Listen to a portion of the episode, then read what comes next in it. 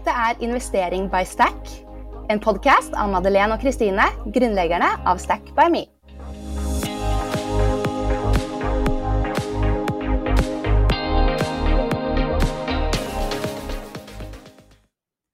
Denne episoden er sponset av regnskapssystemet 247 Office og ABG-stiftelsen for kvinner i finans. Hallo, hyggelig at du tuner inn her på Investering by Stack. Jeg heter Kristine, og i denne podkasten snakker vi om penger og investering, som er våre favorittemaer. Ja, hei, og jeg er Madeleine. Ja, og vi har fått uh, utrolig mange spørsmål om valuta og valutasikring den siste tiden, nå som kronen er så svak. Og vi snakket litt om det i markedsoppdateringen fra 6.6, men vi tenkte å by på enda litt mer av det i dag, og ha med oss en valutaproff til det. Lone Sjursen Kleveland, som er senior FX-dealer i Danske Bank, altså eh, foreign exchange, som man kaller det, eller valutamegler. Så hun studerte egentlig til å bli ingeniør i eh, molekylær biologi, men gjorde en helomvending og ble økonom isteden. Hun har vært ti år nå i Danske Bank og har podkasten Finansjentene. Og har vært i styret til nettverket Kvinner i frontfinans. Så velkommen hit, Lone. Jo, tusen takk for det, Kristine. Takk for at jeg fikk komme. Ja, så bra. Men uh, fortell uh, veldig gjerne med egne ord, da. Hvem er du? Og litt om deg selv. Ikke sant. Ja, hvem jeg? er? Lone Sjursen Kleveland er jo da navnet mitt. Jeg ble imponert over at du fikk til å si, mellomnavnet mitt. Det er jo flott, ja. 32 år. Jeg er fra, fra Trondheim, men kaller meg sjøl for klimaflyktning. Fordi jeg flytta til Oslo for nå er det vel sju år siden i forbindelse med masteren min, og har bodd her siden. Og har jo da jobba som valutamegler, som man sier det på, på godt norsk, nå de mm. siste fem årene. Eh, vil kalle meg sjøl relativt travel dame. Liker å ha mye å gjøre både på jobb og, og på fritida. Har tidligere holdt på å podde sjøl. Det er jo veldig spennende. Eh, nå er det litt på pause, fordi at eh, jeg og Thea, makkeren min, vi har litt andre spennende prosjekter på gang som vi håper vi kan dele etter hvert. Eh, og I tillegg til det så, så, liker jeg jo å være aktiv, eh, trene, og så synger jeg i, i kor. Oslo-koret, Oslos største popkor. Så ja da, eh, man skal liksom ikke ligge på, på latsida heller. Kult! Masse ja, masse gøy. Det høres ut som at du har eh, ja, tid til mye da, eh, utenom jobb, selv om du har en veldig fancy finansjobb. ja, ikke sant? Eller er det bare en fancy tittel? Eh, nei da.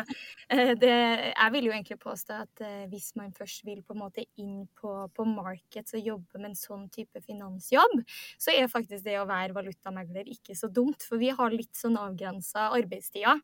Eh, og det skyldes rett og slett at det er en enorm i markedet. At valutamarkedet i Norge det åpner klokka åtte, og så stenger det klokka fem.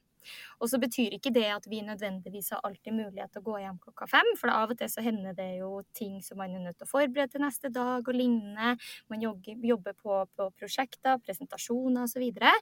Men sånn eh, jevnt over så har vi som jobber som valutameglere, vi har en ganske sånn fastsatt eh, arbeidsdag.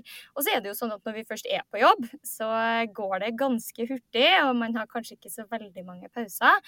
Men allikevel så får man en sånn forutsigbarhet i forhold til det å kunne gjøre ting på fritida med venner og familie osv. Så, videre. så det personlig setter jeg i hvert fall veldig pris på det. Ja, ikke sant. Det er jo ja, godt å Selv om det er liksom høyt tempo, kan det være kjempegøy. Men at man da ikke trenger å jobbe døgnet rundt, da. Ja, absolutt, absolutt. Fordi det, det, er noen som syns det er fint, men jeg har litt sånn trua på at man skal balansere det ut med litt, litt fritid, og at man har godt av det. Ikke sant. Virkelig. Men uh, hva, hva, med uh, molekylær biologi? Ja. Ja, det, det, er jo for så vidt et veldig godt spørsmål. Jeg hadde jo planer når jeg gikk ut fra videregående om at jeg skulle kurere kreft. Eh, og syns jo at eh, det, og i tillegg til arve, altså arvelige sykdommer og lignende, var veldig spennende. Så eh, jeg peila meg inn på molekylærbiologi. Hadde først litt lyst til å bli lege, men ønska ikke å ha det ansvaret for, eh, for mennesker, så da ble det det i stedet. Og det starta jeg på, eh, og det syns jeg var, var, veldig spennende. Men ved siden av studiet så skaffa jeg meg en, en, sommerjobb på, på NTNU. Eh, som nevnt så er jeg jo trønder, så jeg har, har en del ingeniører i, i, familien som hjalp meg med å få jobb der. Og da fikk jeg teste ut det å stå på lab i, i praksis, eh, både, både, da sommeren etter første året og også senere etter jeg bestemte meg for å ta en pause fra molekylærbiologistudiet. Eh, og det jeg på en måte kom fram til da, var at jeg syns det er et utrolig spennende fag, men at, eh, at, jeg egentlig liker å jobbe med mennesker. Og at det å stå for meg en, en hel dag på en lab faktisk ikke, ikke var det helt det jeg så for meg, og det jeg ønska å gjøre i løpet av en arbeidsdag. Så da ble det en helomvending etter å ha jobba som, som, ingeniør et, et halvår på, på, NTNU. Etter jeg tok meg en liten pause fra, fra, studiene. Da fikk jeg jobbe på et forskningsprosjekt hvor vi produserte Vi inkorporerte metaller i, i skallene til alger til bruk i solcellepaneler, og det var utrolig spennende. Men jeg fant ut at eh, det var ikke noe labbrotte jeg skulle bli, så da starta jeg på økonomiutdanninga mi den høsten istedenfor. Ah, shit. Du testet det jo skikkelig ut òg, da. Eh, virkelig, og fikk prøvd deg liksom innenfor eh, faget. Så Absolutt. Absolutt. Ja. Og det, det, vil jeg jo anbefale for de fleste som driver med et studie. Altså, for du vet egentlig ikke helt hva du holder på med før du, før du, har fått jobba litt med det. Det er i hvert fall det, den erfaringa jeg har. Mm. Mm. Ikke sant. Så vi var jo litt inne på det, da. Eh, hva du gjør, hvordan du jobber som valutamegler. Men uh, kan du forklare på en måte enda litt mer hva jobben går ut på? Klart det. Eh, jeg vil egentlig si at jobben min den er todelt. Eh, den ene biten er jo det å handle valuta med kundene mine. Og Da kommer det kunder til meg, og enten så har de behov for å bare gjøre en veksling, altså veksle en valuta mot en annen, eller så ønsker de kanskje å gjøre derivater på ulike valutapar. Og Da tar de kontakt, og så er det min jobb å gå ut i markedet og, og se hvor prisen ligger hen, da sammen med, med traderne som jobber i Danske Bank. Og så setter jeg en pris ut mot kunden. Og da er egentlig, for da er det traderne sitt, eh, sitt, ansvar å sitte og se på markedet og hva markedsprisen er, mens min jobb er egentlig å forstå kunden min og forstå betalingsvilligheten til kunden. Så, så, det er den ene biten av jobben. Eh, den andre biten er, går på rådgivning, og den tror jeg nok jeg syns er mest spennende. Det å på en måte forstå kundene mine, forstå behovet deres, eh, forstå markedet og forklare markedet til dem. Og også da komme med anbefalinger basert på den, den risikoen de har, f.eks. mot utenlandske markeder. da. Ikke sant. Hva, eh, hvordan type kunder eh, Den første delen av eh, jobben, da. Hvordan type kunder er det som kommer til deg, da? Ikke sant. Jeg vil egentlig si at det er den samme type kunder som er både for den første og den andre delen. Ja. Eh, nå sitter jeg og jobber i, med SME-kunder, altså små til mellomstore bedrifter. Men jeg sitter som del av et ganske lite team. Så vi eh, er faktisk nødt til å på en måte håndtere hverandre sine kunder. Så sånn sett så sitter jeg jo ikke bare og jobber med mine egne kunder, som er de små til de mellomstore, men også da de som er større corporates, eller også så stort som institusjonelle selskaper. Så egentlig så vil jeg si at uh, når du sitter som valutamegler i et ganske sånn lite, på et lite meglergulv, så, så blir du eksponert for alle typer kunder. Har jeg noen fondskunder? Hva sa du? Har dere noen fondskunder? Altså sånn vi, altså, vi, jobber, vi, jobber, jo noe imot uh, dem som sitter på, på, fondsbiten, dem som sitter på aksjer osv., men det er fint lite. Og der er det mer for å på en måte bistå, uh, en, for å få gjort en veksling mot det andre. Men selvfølgelig så er det jo store institusjonelle fond og lignende som, som handler da med, med kollegaene mine. Mm. Mm. Ja, fordi vi Ja, det, det, er jo så mye snakk om eh, Det er derfor jeg har denne episoden. Også på fond om dagen. Da skal man kjøpe ja. fond i dollar eller kroner og eh, Ja. Eh, så lenge på en måte fondet er kjøper aksjer i utlandet, så må jo de veksle uansett. Absolutt, eh, absolutt. Og da er jo vi med på å bistå på det, men selve rådgivningsbiten er jo da mer gjort av dem som sitter på, på aksjesida, eller, eller, sitter og, og hjelper dem med, med fondshåndtering. Så sånn sett så er det ikke eh, Der bidrar ikke vi så veldig mye med rådgivning. Der er det mer, mer bare det å utføre en, en, veksling som er på en måte vår jobb i det, da. Ikke sant. Mm.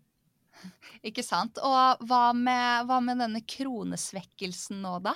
Hva er dine tanker rundt det? Antar du kanskje har hatt mye mye uh, rundt dette?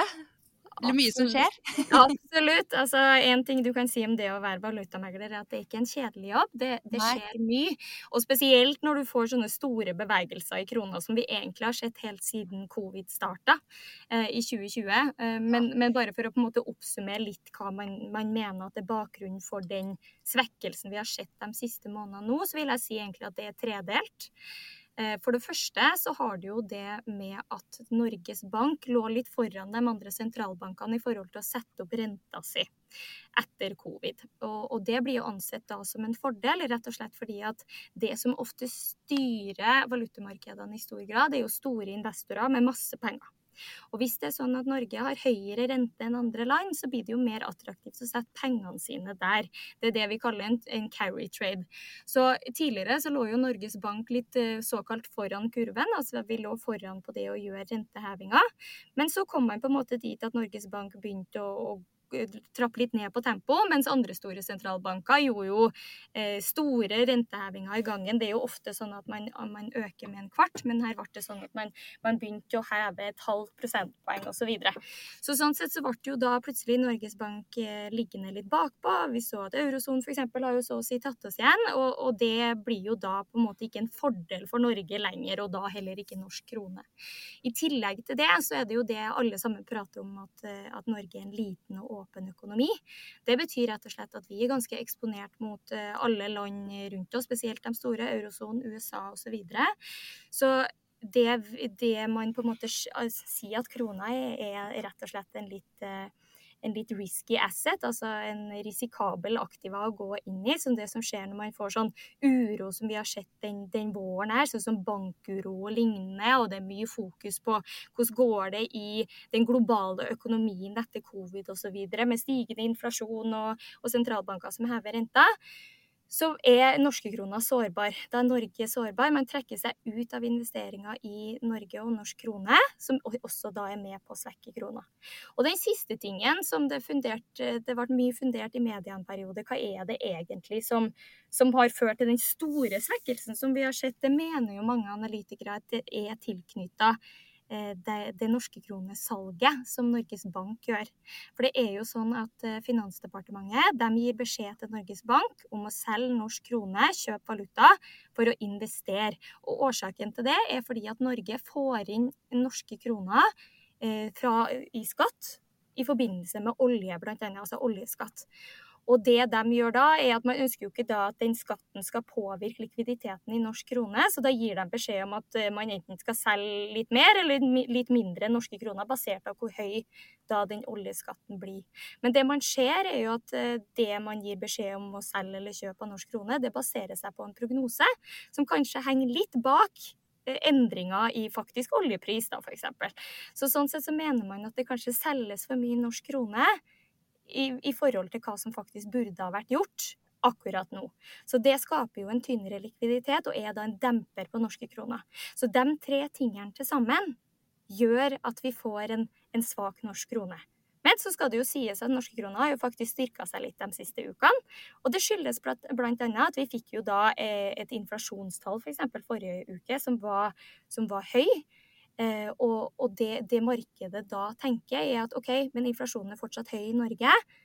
Da må Norges Bank sette opp renta mer.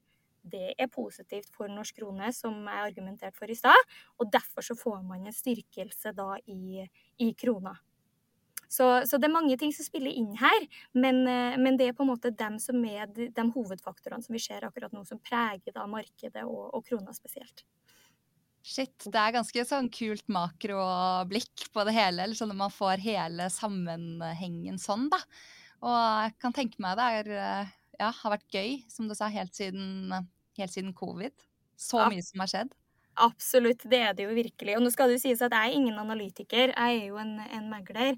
Men jeg syns allikevel at det er veldig spennende at du som megler har mulighet til å sitte og følge med på makroen. Og så er vi jo selvfølgelig ikke like dyktige som analytikerne til å skjønne alt som skjer og få med oss alt som skjer, for det har vi ikke tid til. Men, men allikevel så er det jo viktig for oss å også forstå hva er, det, hva er det som skjer, sånn at vi kan videreformidle det til kundene våre, sånn at de kan ha forståelse for hva er det som faktisk skjer, og hvorfor må de betale så mye for euroen sin som de må akkurat nå. Mm, ja, jeg syns du var god til å forklare det. Så bra.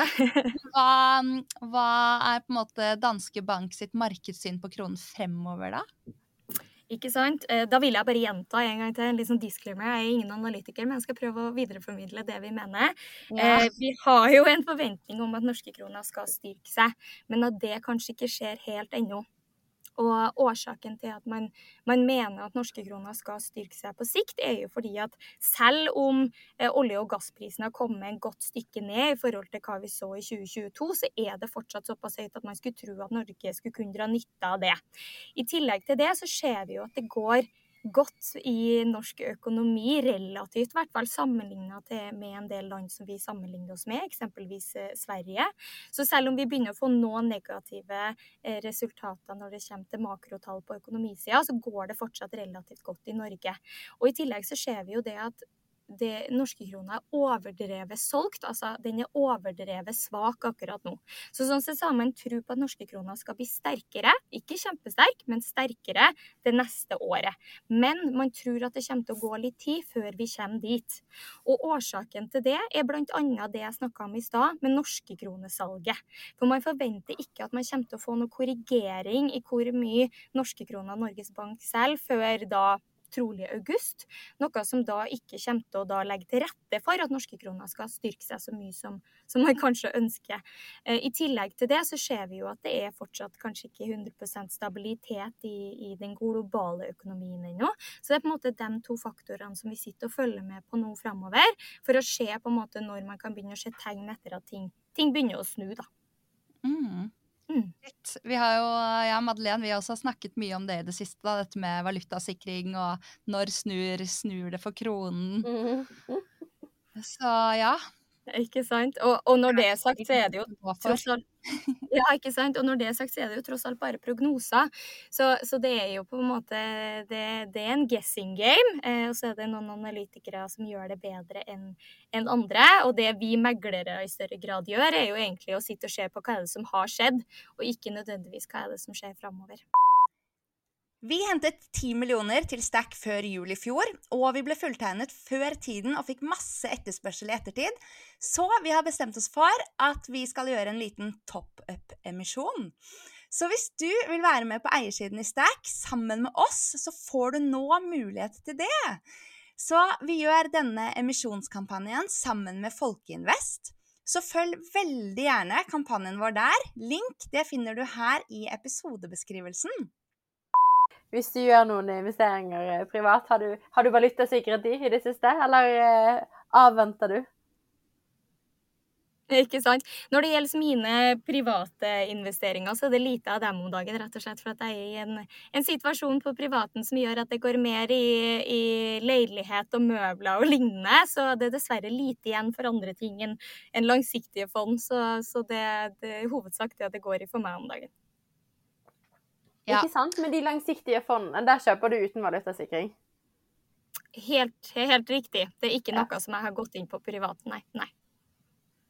Nei, ikke sant. Vi får følge deg i appen, eh, Stack-appen, og så se når du begynner å kjøpe valutasikret. Vi, da. vi er jo veldig spent på når dette skiftet skjer, sånn at vi må, må begynne å ha valutasikret. Så. Ikke sant? Men eh, ja, nei, det er em, eh, det, det er veldig interessant. Men når var det du på en måte begynte Var det da du på en måte var på la- laben omtrent? At du begynte å få interesse for finans? Eh, og begynte å tenke på det, eller hadde du Er du sånn man, Ja, det er mange som tenker sånn at hvis man jobber i finans, så er man opp, oppvokst med finansfamilie og fått det inn fra barndommen og gjerne investert tidlig og sånn, eller når begynte det for deg? Ikke sant. Eh, Det har vel egentlig kommet ganske seint for min del. Jeg er ikke noe sånn som sitter med en, eh, en mamma og en pappa som har sittet med investering sammen med meg fra barndommen av. Eh, Ikke i det hele tatt. Eh, For min del så starta jeg jo på økonomistudiet rett og slett fordi jeg satt foran foreldrene mine og prøvde å finne ut av hva jeg skulle bli når jeg skulle bli stor. Og så sa jeg jeg syns tall er morsomt. Og så sa faren min ja, hva med økonomi da? Så sa jeg OK. Og da starta jeg på, på økonomiutdanninga, og da var ikke finans tanken i det hele tatt. Det var på en måte det eneste jeg ikke skulle. Det var å gå inn i en finansjobb. Eh, så jeg var egentlig ganske bastant på det ganske lenge. Og så gjennom bacheloren min så ble jeg veldig usikker på hvor jeg skulle videre. Eh, for som dere skjønner, så var ikke planen min veldig gjennomtenkt. Så da tok jeg meg For jeg jobba allerede i Danske Bank under, under bacheloren, så jeg bestemte meg for å ta meg et arbeidsår. Og så tenkte jeg at når jeg først skulle jobbe litt, så kunne jeg også da ta opp litt fag, sånn at mulighetene var litt større når jeg skulle inn på masteren min. Og da var det egentlig finansfagene som stakk seg ut som litt sånn middelmådige karakterer. Eh, så da ble det ganske naturlig at det var dem jeg valgte å, å, ta opp. Og da hadde jeg jo egentlig ganske god tid på å sette meg inn i alle de finansfagene som jeg hadde hatt eh, de siste årene. Og når jeg på en måte ga det litt mer oppmerksomhet, så skjønte jeg at det her syns jeg egentlig er ganske spennende.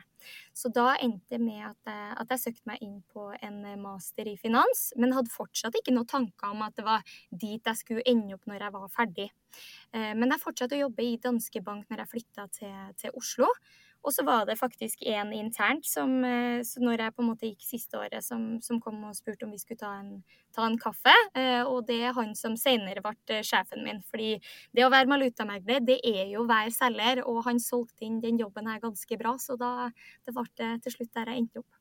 Ikke sant? Åh, mm. ja, men det er kult at man at man ikke trenger å bare ha Selv om det er liksom et uh, høythengende yrke, eller hva man kan kalle det, at man ikke trenger å være sånn supermålrettet fra start. Bare 'jeg skal det', gjøre alt riktig for å få den jobben, men at man Det blir ofte til litt sånn litt som det blir. absolutt. absolutt. Og, og, og, ja, ikke sant? og som du nevnte tidligere, så har jeg jo drevet en, en podkast sjøl hvor vi har intervjua folk som havner inn i finans og sitter i ulike finansroller. Og egentlig min konklusjon er at de fleste detter litt tilfeldig inn i det. Og så har du de få som på en måte har hatt en idé hele veien om at det var det de skulle. Mm. Og så mm. er det egentlig de fåene vi hører noe fra. Eh, så, så sånn sett så, så, er det egentlig litt fascinerende at eh, jeg tror egentlig majoriteten ikke helt har noe sånn kjempeplan, men at det på en måte skapes, eh, skapes litt mens man holder på, da. Ja, for det er jo det at når man sitter enten som analytiker eller megler eller hvor, eh, hvor enn i systemene man sitter, så får man jo bare en helt unik innsikt i så mange forskjellige bransjer. Og det er så gøy da, å høre på fondsforvaltere og eh, Ja, det er eh, Man får virkelig liksom innblikk i bransjer. Absolutt, absolutt. Og, og, sånn sett så er det jo spennende å sitte, sitte i den stillinga jeg har, rett og slett fordi at du får innsikt i så mye mer enn valuta. Og det er fordi at valuta er så mangt. Mm. Eh, som dere skjønte i stad, du er nødt til å skjønne rentemarkedet. Du er nødt til å på grunn av det også skjønne obligasjonsmarkedet. Du er nødt til å på en måte forstå eh, samsvaret mellom aksjekurs og valutakurs osv. Så, videre. så eh, det, det er egentlig sånn Absolutt politikk. Du er nødt til å skjønne psykologi. Eh, det er utrolig mye som, eh, som, som spiller inn. Så sånn sett så syns i hvert fall jeg det har vært en utrolig kul plass å, å starte rett, rett fra studiene for egen del. Ja, shit, altså. Så nå, nå blir det valuta for uh, alle penga. Sikkert ikke resten av livet. Forhåpentligvis så kommer man jo til et punkt der man tenker sånn Nei, nå eh, ønsker jeg å gjøre noe annet. Men, men, det er et såpass stort felt at det, det, tar litt tid før man føler seg ferdigutlært. Og jeg vet ikke ja. helt om man noen, noen, gang kommer dit heller. Det er liksom nye ting som, som dukker opp hele veien. Så, så, sånn sett så har det i hvert fall frem til nå føltes, føltes utfordrende. Og det er jo det som er viktig når man sitter, sitter i en, en stilling. Mm. Ja, virkelig. Nei, det høres ikke ut som uh, det er fare for å bli utlært i den uh, stillingen. Men hva, hva, er det Man tenker jo ofte at uh, man tjener masse penger i finans. Hvordan er det for dere? det er jo et kjempegodt spørsmål, det. Altså, om vi tjener masse penger eller ikke, det kommer jo selvfølgelig an på øyet som skjer, det. Ja. og det kommer, vil sikkert være ulikt fra, fra bank til bank osv. Eh, men selvfølgelig, det, det å, å, jobbe i finans, tjene, der tjener man sikkert bedre enn hva man gjør i, en, i noen andre yrker. Men, eh, men igjen så, så syns jeg også at eh, inflasjonen slår hardt osv. Så, videre, så Så det er ikke sånn at man tjener uendelig med penger hos oss heller. Det, det vil ikke jeg påstå. Nei. Hva er du på en måte eh, Har du tenkt på det som et element når du har valgt liksom, finansretningen og blitt lokket av det, eller er det mer bare den utrolig spennende hverdagen som har eh, også drevet deg? Jeg vil faktisk kunne si med hånda på hjertet at det med penger har aldri styrt meg når det kommer til valg av jobb. Eh, og det er jeg veldig, veldig fornøyd med, og det syns jeg jo ikke det skal, skal, gjøre for noen, selv om jeg forstår jo at det er enkelt å si når man ikke sitter i en av de eh, minst betalte yrkene. Eh, og jeg syns egentlig helt personlig at man kan tenke at det er jo nesten litt urettferdig at det, det yrket man ender opp i, at betaler, noen betaler dårligere enn andre. Men dessverre så er det nå bare sånn. Så jeg tenker at mitt beste råd til alle som sitter og funderer på hva de skal gjøre, er jo egentlig å, å begynne å tenke på hva er det jeg syns er spennende. Fordi uavhengig av hvor mye du får betalt, så er det vanskelig å bli motivert bare av penger. Eh, I hvert fall for, for meg.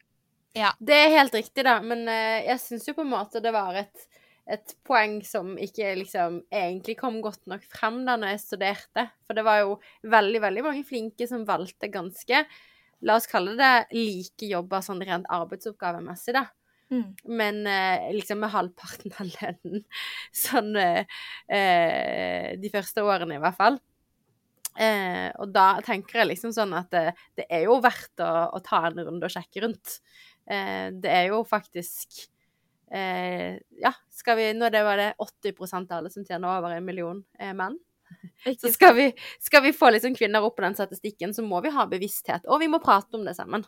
Absolutt. Og, og, akkurat det der med å, å, prate sammen, det tror jeg er ganske viktig. Jeg har eh, faktisk diskutert det med mine venninner, både dem som jeg jobber innenfor samme, eh, samme, ikke kanskje yrke, men bransje som, og også dem som jeg har som jobber i helt forskjellige bransjer. At vi er nødt til å på en måte ikke skjemme så utrolig mye over å prate om det med lønn. Mm. Fordi det har jo det, det eneste de eneste som tjener på det, er jo egentlig arbeidsgiver. Mm. For det er jo noe med det å, å høre litt hva tjener andre, hvor ligger man hen, og ikke nødvendigvis for fordi man, ofte, man, opplever jo ofte at det er sånn Nei, det kan ikke jeg prate om, for da skryter jeg eller lignende. Men, men strengt talt så, så, skal det jo egentlig mer være til hjelp for folk rundt deg. Og på en måte si at nei, jeg og du har x antall år med utdanning, vi har ca. like mye ansvar. Så mye tjener jeg, hvor mye tjener du? Eh, for å på en måte ha et sammenligningsgrunnlag da, når man går til egen, eh, egen sjef og tar en prat om det med lønn.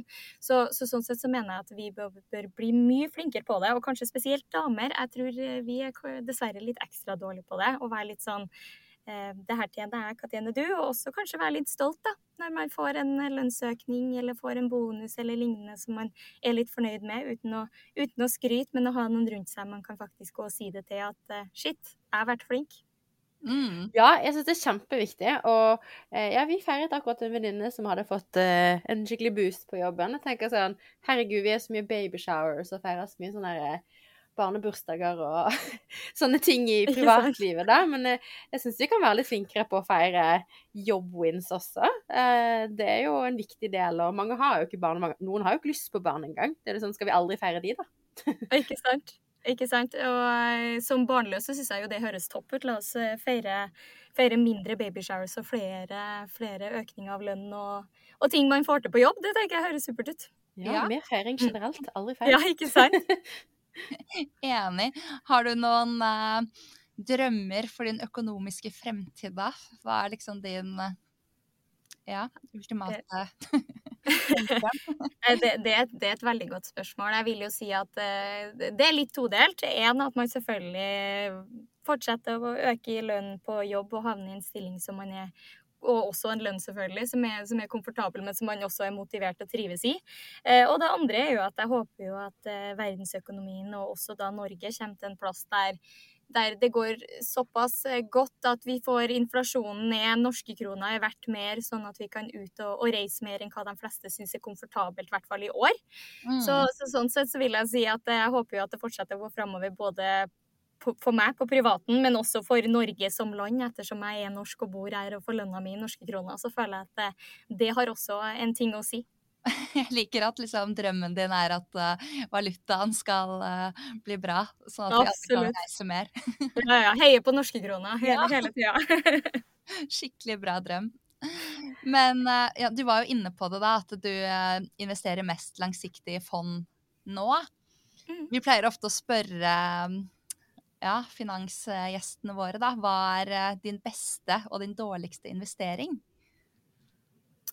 Ikke sant. Min beste investering, det vil jeg jo si er leiligheten min, sånn som boligmarkedet i Oslo akkurat nå. Eh, og når det gjelder verste investeringer, så har jeg ikke gjort så veldig mye dårlige investeringer per nå. Eh, og det er nok fordi at eh, jeg vil nok kalle meg sjøl en risikoavers valutamegler. Eh, sånn sett så passer jeg jo litt dårlig inn i markedsmiljøet. Men jeg tror også at det, det er noe som, som, man trenger, skulle jeg til å si. Og så betyr ikke det at man ikke nødvendigvis gjør investeringer, men at kanskje er litt mer forsiktige enn hva en del eh, gutter som drar og springer på gulvet sine er. Eh, så sånn sett så har ikke jeg gått på noen noe store smeller. Men igjen, for å vinne stort, så må du gå på noen smeller innimellom. Så sånn sett så kunne jeg sikkert ha utfordra meg mer enn hva jeg har gjort frem til nå. Nei, men det er, eh, ja, men det er jo riktig, det. Og det er jo ofte sånn at Blir det ikke sagt at eh, kvinner er enda bedre investorer enn menn? Fordi man ofte holder seg til langsiktige investeringer istedenfor å teste masse aksjer og risiko og Ja. Ikke sant. De sier vel det at den, den beste investeringa du har gjort, er den du ikke gjorde. Så, så sånn sett så er det kanskje ikke så, så, så, dumt allikevel. Og det er vel ofte fordi at hvis det virker for godt til å være sant, så er det som oftest det. Og da får du som oftest ikke den avkastninga du, du, tror du kommer til å få. Jeg vet, ikke, jeg vet ikke, Hvem er det som sier det? det er i hvert fall noe jeg har hørt fra, fra flere som, som, er litt av den eldre garde. Da spørs det på om kanskje de har gjort eh, flere blemmer enn hva jeg har gjort i livet. ja, ja, vi er jo litt motsatte. Vi er litt mer på den der den beste investeringen du gjør, er jo bare å komme i gang. Fordi eh, hvis du aldri investerer noe, så, så, taper du ganske mye på det. Absolutt. Det er vel det folk flest sliter mest med. Mm, jeg tror det er en balansegang der er mellom ingenting og, og, litt for masse. Ja, Men er det for godt til å være sant, så er det som oftest det. absolutt. absolutt. Når det, kanskje når det gjelder aksjer, så er det jo gjerne at hvis man får høre om noe som skal være superhot, så er man jo gjerne litt uh, late, latergram. Eller man får høre om det litt sent. Ja. så idet man selv går inn, kanskje, så er alle de store og proffe på vei ut. Mm. Ikke vet jeg. Ja. Men uh, enig. Men har du noe Når du skal slutte å bruke penger på møbler og leilighet, er det noe du tenker at du vil investere i selv? Noe du har tro på nå fremover? har ikke noe spesielt utsikter for akkurat det. Og det er fordi at det henger et uh, potensielt nytt bad foran meg. Så, så, det blir på en måte såpass langt fram at det ikke er noe jeg har satt meg inn i ennå. ikke sant. Men du nevnte litt sånn langsiktige fond og sånn. Har du sånn uh, månedlig spareavtale eller et eller annet der som ruller og går i parallell? Det har jeg. Nei, det har jeg ikke. Det sparer selvfølgelig, eh, og, og, det må man fortsette å gjøre allikevel. Det er bare at eh, det, det, er litt gamle avtaler som har ligget der en, en, stund, så sånn sett er det ikke noe jeg driver aktivt med akkurat nå. Ja, ja men sånn skal det være. Man skal kjøpe, og så bare glemme. ja, det er, det er, ofte en veldig god strategi. En langsiktig strategi.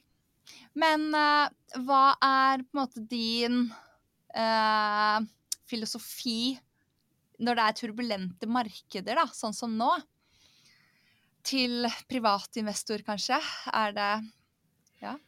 Ja, nå har ikke jeg lov til å komme med så mye anbefalinger til private investorer, men eh, sånn generelt så kan man vel si hold, hold, hodet, hold hodet kaldt, som i de fleste markeder.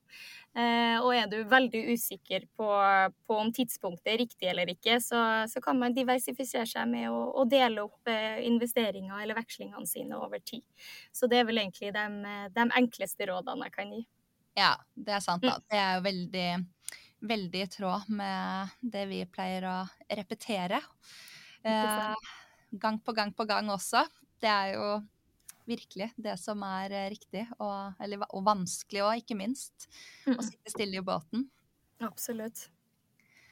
Så OK, men eh, det er veldig mange unge som også hører på denne podkasten her. Og eh, podden er også sponset av ABG-stiftelsen for kvinner i finans. Så jeg lurte på, har du eh, noen tips eh, til unge som kunne tenke seg å jobbe innenfor finans? Ja, det tipset som jeg pleier å si til, til, unge som ønsker å jobbe i finans, er rett og slett det å, mens du studerer, prøve å få deg en relevant jobb. Ja. Eh, og årsaken til det er rett og slett å få testa litt ut det du studerer, eh, for å se om det er spennende. Og så er det ikke helt enkelt i Norge å få seg relevant arbeidserfaring tilknytta finans per i dag. Men det er flere og flere selskaper som, som skaper muligheter for det. Så prøv, prøv, på det. Men i tillegg, hvis du bare som for min del, da. Jeg starta i Danske Bank, og det var ikke innenfor finans, altså markeds-biten i det hele tatt. Det var i det å stå i, i kassa. Eh, var, altså, min første arbeidsdag var den dagen de la ned pengehåndtering, altså kontanthåndtering i Danske Bank, så det var en spesiell dag. Men sånn sett så, så var det jo det veldig sånn, sånn enkelt. Det gikk mye å bare prate med kunder osv. Men jeg skapte meg et nettverk som gjorde det mye lettere for meg etter hvert å få meg andre jobber internt som til slutt resulterte i en, en, kaffe som resulterte i en jobb. Så sånn sett så anbefaler jeg uansett å få seg en, en jobb. Prøv å få deg en som er relevant. Ta gjerne i et selskap hvor det er mulighet kanskje for sikt å få en relevant jobb. Og vær nysgjerrig. Still spørsmål, stikk hodet litt fram. Og det føles så vondt. Eh, jeg kjenner, kjenner godt til det sjøl. Så sånn sett så, så, skjønner jeg at det er vanskelig, men allikevel så tror jeg at eh, at de fleste faktisk vil tjene på det. Og så er det sånn OK, du opplever det kanskje som litt flaut, og stikk, stikk deg litt fram. Men for å si det sånn, det er det ingen som, som husker. Det de, altså, det, men igjen, de husker det i hvert fall ikke hvis du ikke sier noen ting. Så, så jeg tenker det er bedre å bli huska for, for, å ha vært litt, litt, på, enn å ikke bli huska i det hele tatt. Så, så vær litt på, mm. still masse spørsmål og, og prøv å få deg en relevant jobb. Det tror jeg er fornuftig. Ja, det syns jeg var et veldig bra tips. eh, kjempebra. Jeg tenker egentlig at eh, med det også at vi avslutter, runder av her. Og ja. tusen, tusen takk for uh, masse bra info om valuta. Eh, dette er komplekst og veldig, veldig interessant når man uh, setter seg litt inn i det. Så nei, kjempebra. Siste Ja, ja takk for deling. Siste oppfordring. Abonner på podkasten, så får dere varsel når neste episode kommer. Det er lurt. og gi oss gjerne en rating også. ja, men herlig. Tusen takk. Sjøl takk. Takk for meg. Takk for deg. Ha det bra. Og for dere som er studenter, så hold linjen ett minutt til, så skal dere få høre noen ord fra Marianne i ABG-stiftelsen. Hei. Mitt navn er Marianne Daa, og jeg jobber for ABG Sunda Collier-stiftelsen Women in Finance. Vårt mål er at flere kvinner skal velge en karrierevei innen finansbransjen.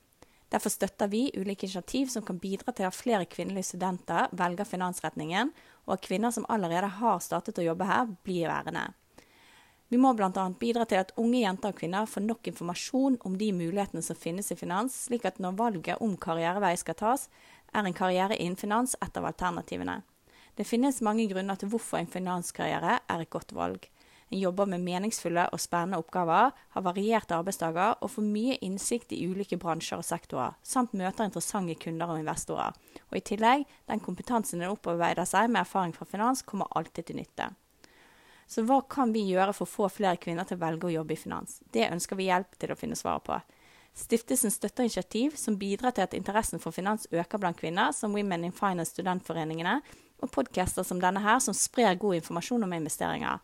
Har du en god idé til flere initiativ som kan bidra til å øke antallet og bedre tilrettelegge for kvinner i finans, håper vi at du sender en søknad om støtte til ABG Sunda Collier-stiftelsen Women in Finance.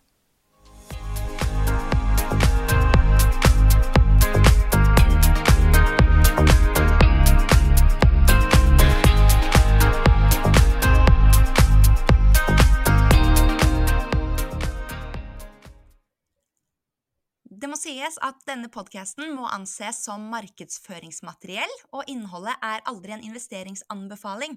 Podkasten er kun ment til inspirasjon og informasjon. Så innholdet i podkasten bygger på offentlige, tilgjengelige kilder som Stack anser som pålitelige, men vi kan ikke gi noen garanti for nøyaktighet og fullstendighet bak dette. Så Stack My me tar ikke ansvar for eventuelle tap som dere lyttere kan møte dersom dere bruker informasjonen som blir gitt i denne podkasten.